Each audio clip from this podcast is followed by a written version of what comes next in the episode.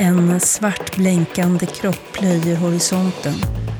Endast skorstenen framträder tydligt i röken och dimman.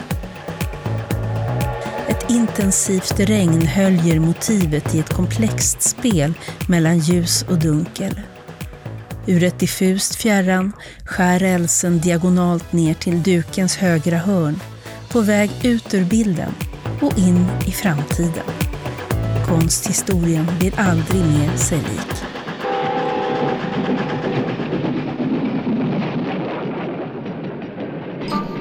Du lyssnar på Anekdot Essä, Järnvägsromanen. Skriven av Åsa Arping, inläst av Magdalena Indebeto.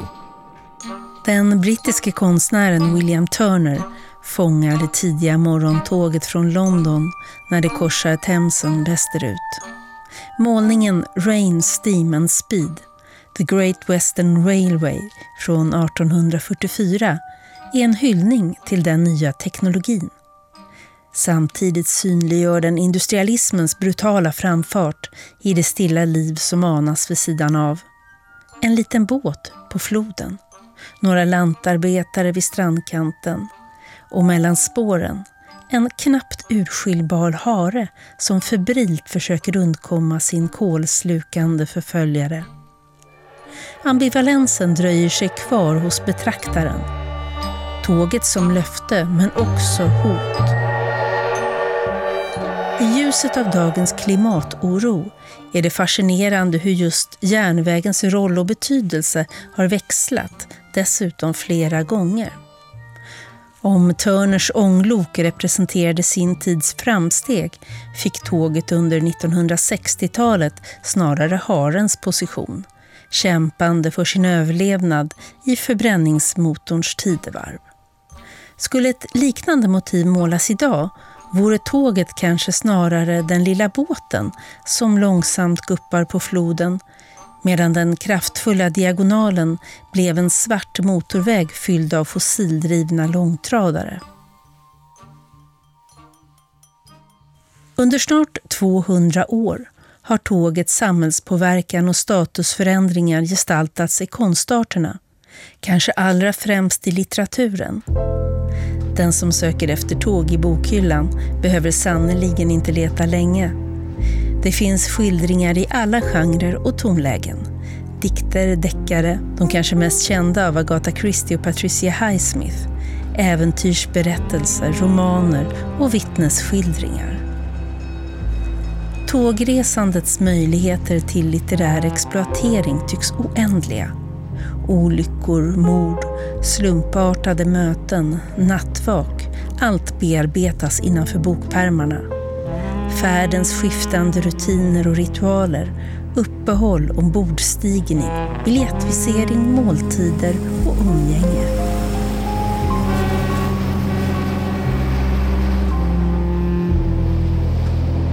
Kupéer som lämpar sig för högljudd konversation eller intima förtroenden perspektivet genom fönstret med landskapet sett lite ovanifrån. Hastigheten och hur den påverkar synintrycken. Och ljuden. Från de första decenniernas gälla ångvisslor till elektrifieringens lugnande rytmiska rälsdunk. Skönlitteraturen följer transportteknologiernas skiftningar och nyordningar, men formulerar också nya uppfattningar om tid i relation till rörelse. Då och då bryter skildringarna verklighetsramen. En hemlig perrong mellan två plattformar på Kings Cross Station. Ett hemligt handgrävt tunnelsystem i amerikanska södern. Ett tåg utan början eller slut på väg mot en raserad bro. I vår tid har tågresandet blivit rutin, men så har det förstås inte alltid varit. Under 1830 och 40-talen sågs tåget som en fascinerande nymodighet. Ångloket, den främsta symbolen för tidens industrialism och framstegsanda, var imposant. Men också bullrigt tröttande, rent av skräckinjagande. Ett järnmonster. Turner var länge ganska ensam om att måla tåg. Det sublima ansågs ännu reserverat för naturen. Men ett drygt halvsekel senare göd framstegets ångvissla stark i Marinettis futuristiska och tekniska manifest där fartens skönhet och den raka linjen framhålls som ideal och konstnärerna uppmanas att imitera tåget och bilen.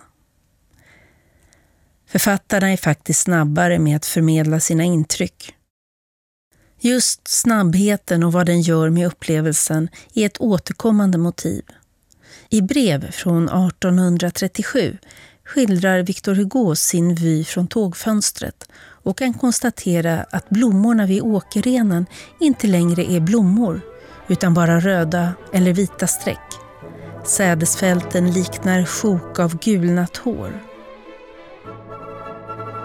Forskarvärlden engagerar sig. Medicintidskriften The Lancet diskuterar synintryck så snabba att hjärnan inte hinner bearbeta dem, vilket leder till utmattning. Kunde tågresandet rent av vara skadligt? Även om sådana farhågor snart kom på skam är det värt att påminna om den avgörande förändring som järnvägen innebar av jordbrukslandet, ekonomin, produktions och distributionsmönstren, mellanmänskliga relationer och estetiken.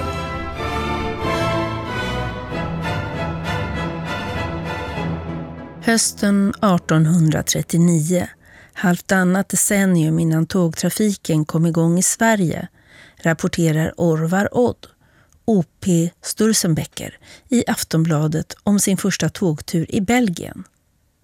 Även om det nya sättet att färdas har sin spänning saknar han den intimitet och därmed det skrivstoff som många timmars resa i diligens innebär. Där är familjärt och avslappnat medan passagerarna i ångvagnarna sitta som på en supé, stela och ceremoniösa. Tåget är, hävdar Orvar Odd, endast transportmedel medan diligensen erbjuder ett monumentalt hem.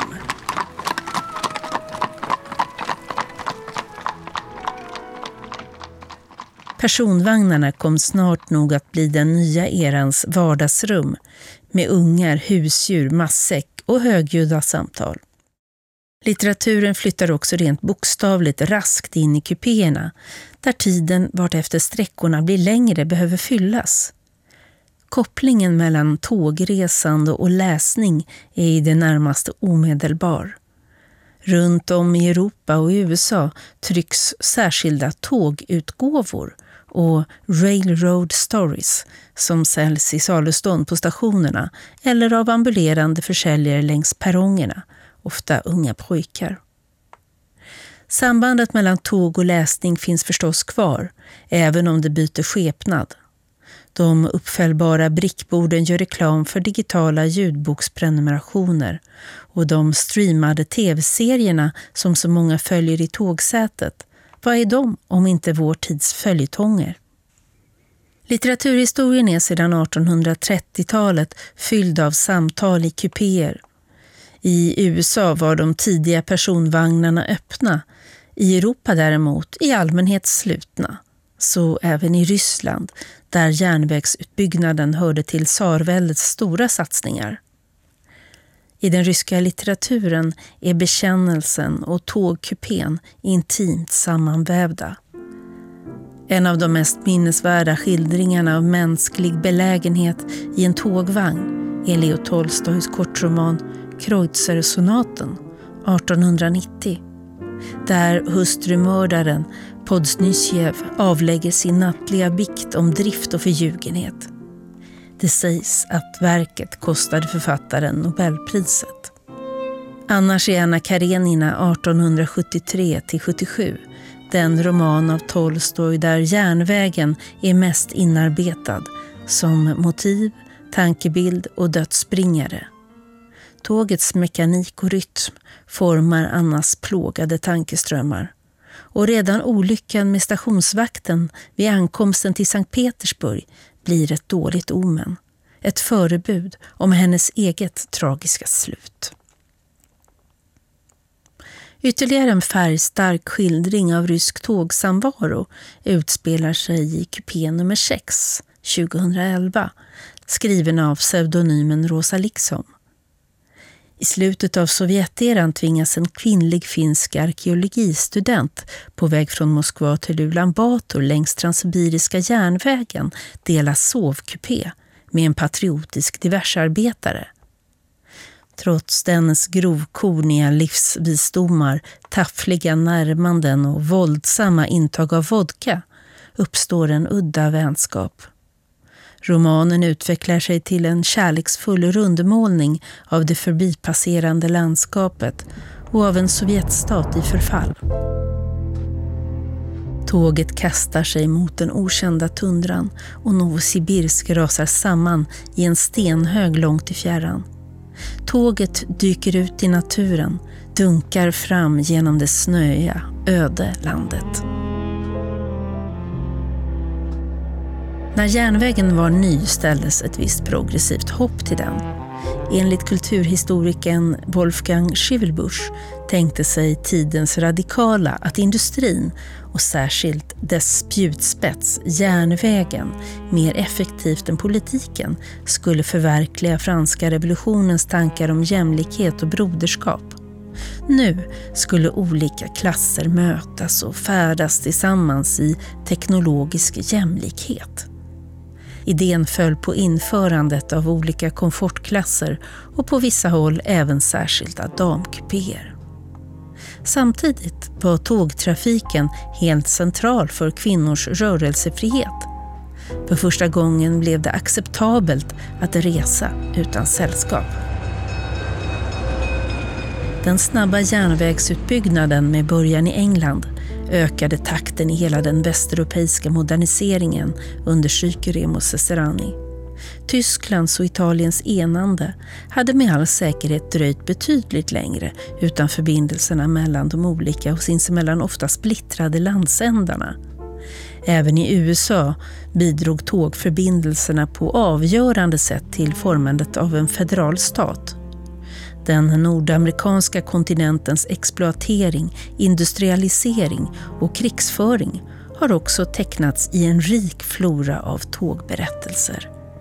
Många skrivna direkt för järnvägsarbetare eller andra specialintresserade. Men även etablerade skönlitterära författare som Mark Twain fångades av ånglokomotivets kraft, fart, rök och oljud.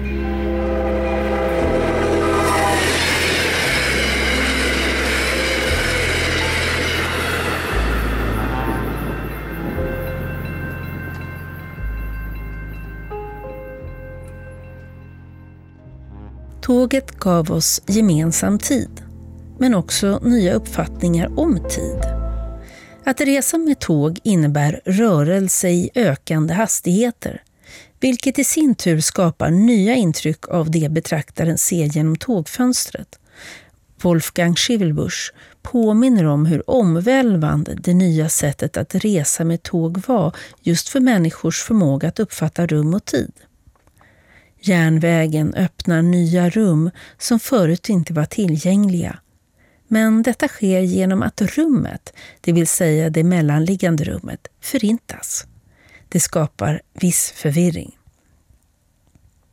Men själva ovanan vid nya sinnesintryck lockar också till estetiskt utforskande. Victor Hugos beskrivning av blommor som blev till streck har fått många efterföljare. Ännu en typisk bild ger Hjalmar Söderberg i Det mörknar över vägen 1907. Det är på de fasta, skenbart förbiilande föremålen man ser åt vilket håll det bär. De närmaste föremålen ilar förbi oss i motsatt riktning mot vår. De avlägsnare följer med oss. Metaforiken återkommer även hos nutida författare.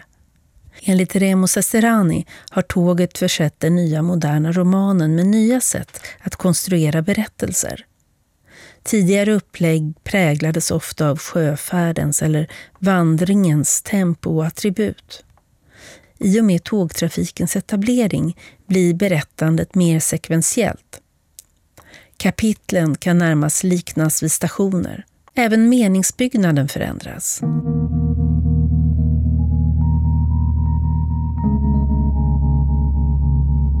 Vissa litterära tåg är betydligt mer än rena transportmedel. Det finns tåg till friheten och tåg mot undergången. 14-åriga Gürge Köves i Imre Kertes Mannen utan öda 1975 färdas så att säga i båda riktningarna. Han rycks bort från ett sommarvarmt Budapest 1944 med adress koncentrationslägret. På tåget var det vatten vi saknade mest, konstaterar han sakligt. Det var ett sånt där tåg med idel tegelröda täckta och stängda vagnar. Nyfiket observerar han allt som sker och är inledningsvis vid gott mod. Han hoppas få se sig om lite i världen, är fullt beredd att arbeta och tror i huvudsak gott om tyskarna. På den fjärde dagens morgon rullar tåget in vid stationen Auschwitz-Birkenau och än så länge är det bara en äldre dam som dött. Utan järnvägen hade Hitler-Tysklands utrotningsprojekt aldrig nått samma dimensioner. Bara under 1944 fördes över 600 000 judar till Auschwitz. Gürgy överlever mirakulöst. Efter ett år får han resa hem igen med lastbil på kärror, till fots, per båt och på ett tåg med riktiga kupéer avsedda för människor. Även om jag händelsevis bara råkade få plats på taket.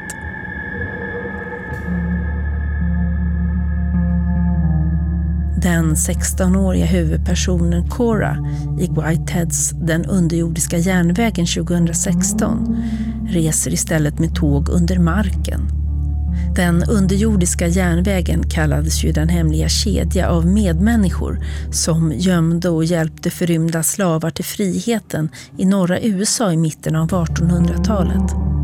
Men i den här berättelsen är järnvägen inte bara en metafor utan högst reell, mödosamt utgrävd och lagd med handkraft i mystiska tunnlar, med oförutsägbara tidtabeller och oklara destinationer.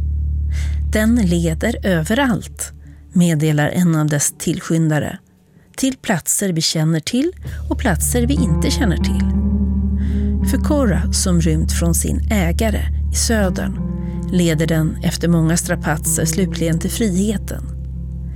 Romanen fascinerar med sina sömnlösa övergångar mellan slaveriets fasansfulla realiteter teknologins drömvärld och solidaritetens obändliga kraft.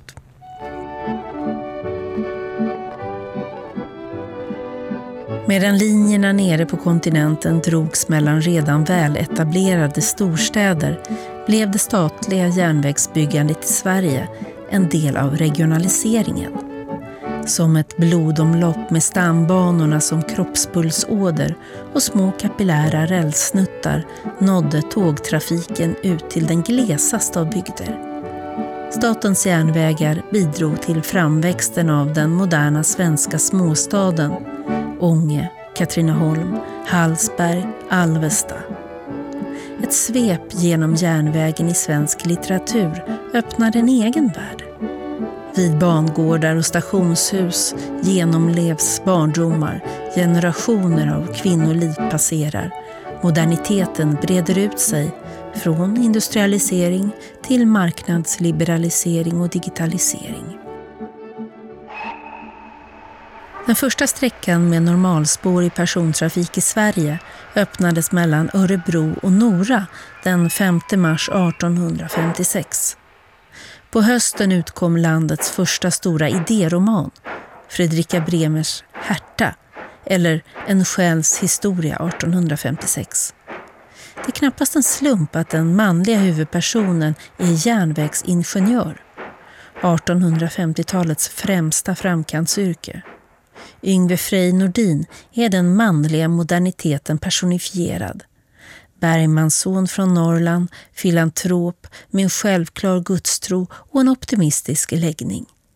Yngve är kort sagt en framtidsman som handfast deltar i grundläggandet av det moderna Sverige. Men lika viktigt i romanens sammanhang är att Yngve förstår kvinnans roll i historien. Han har rest över världen och framförallt intresserat sig för kvinnans ställning hos olika folk. Utan den kompetensen hade han knappast väckt intresse hos den frihetstörstande Herta vars kamp för kvinnors rättigheter utgör romanens huvudfokus. Bredvid den samtida realpolitiken i Herta löper en intrikat, mytisk färgad symbolik kring järnet som bär upp ett helt samhällssystem men också har den unika egenskapen att den kan smältas ner och sedan stöpas om när centrala delar av romanens fiktiva skådeplats, den kapitalistiskt och patriarkalt styrda småstaden Kungsköping brinner ner, är det för att något nytt ska kunna uppstå. Ett samhälle utan krass och könsbarriärer, ett välfärdssamhälle.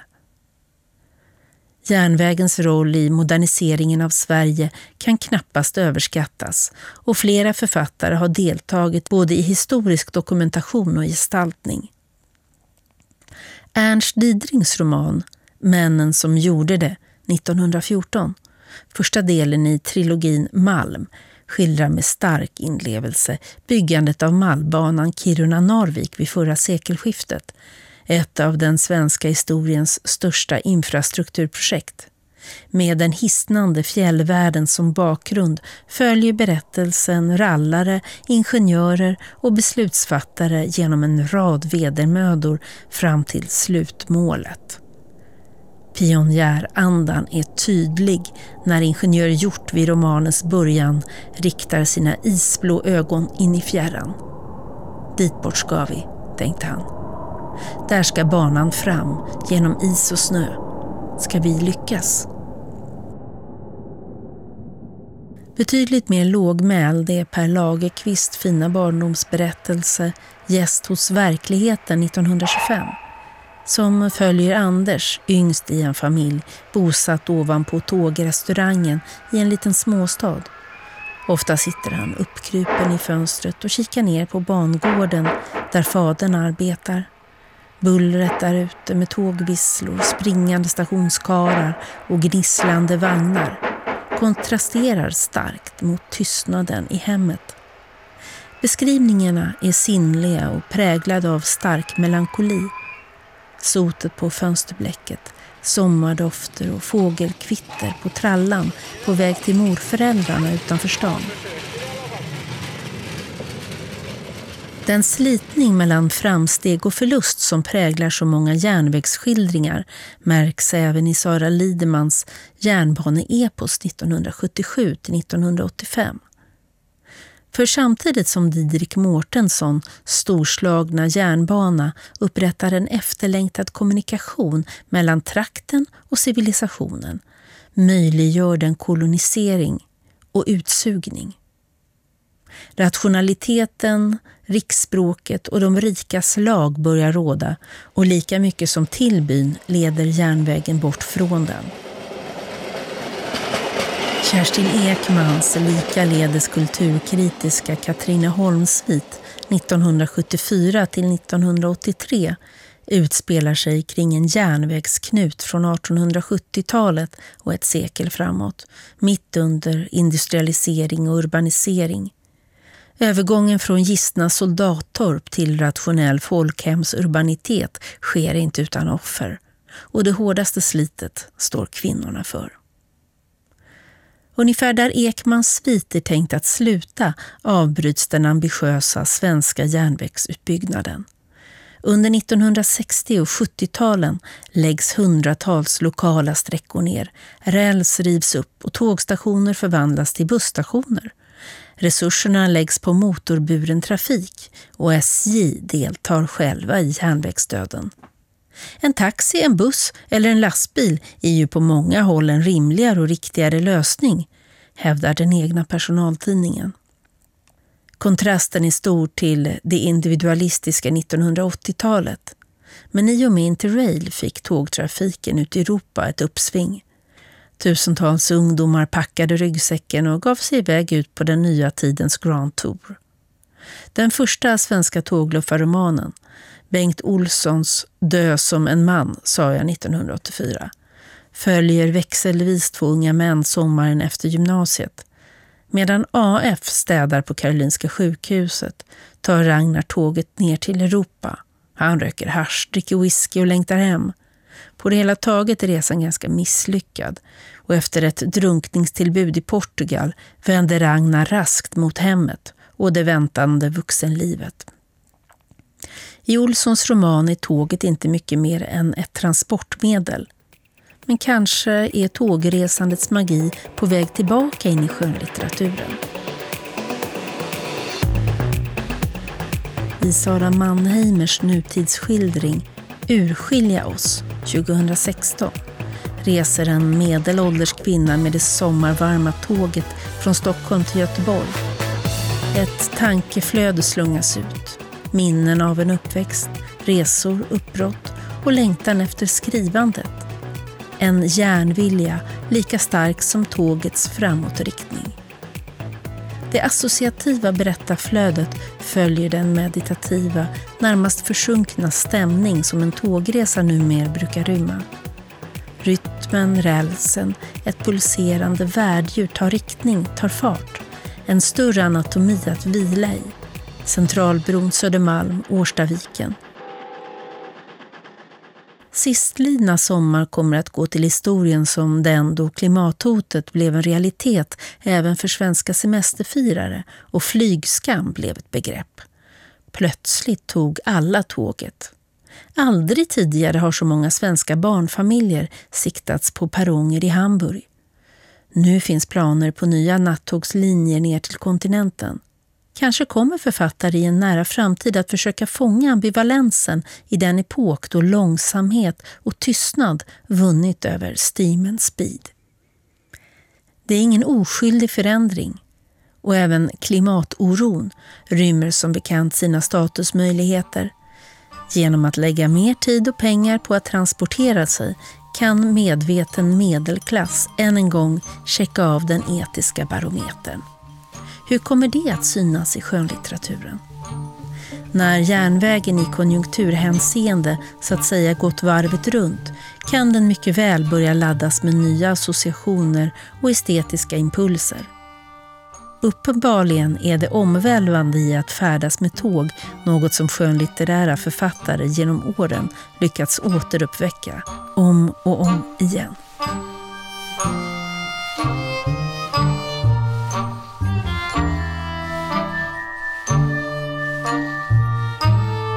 Du har lyssnat på Anekdot Essä, en del av bildningsmagasinet Anekdot.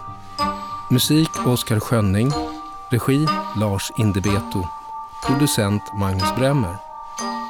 Tågteknolåten var komponerad av Leo Tapper. Fler essäer, poddar och filmer hittar du på anekdot.se.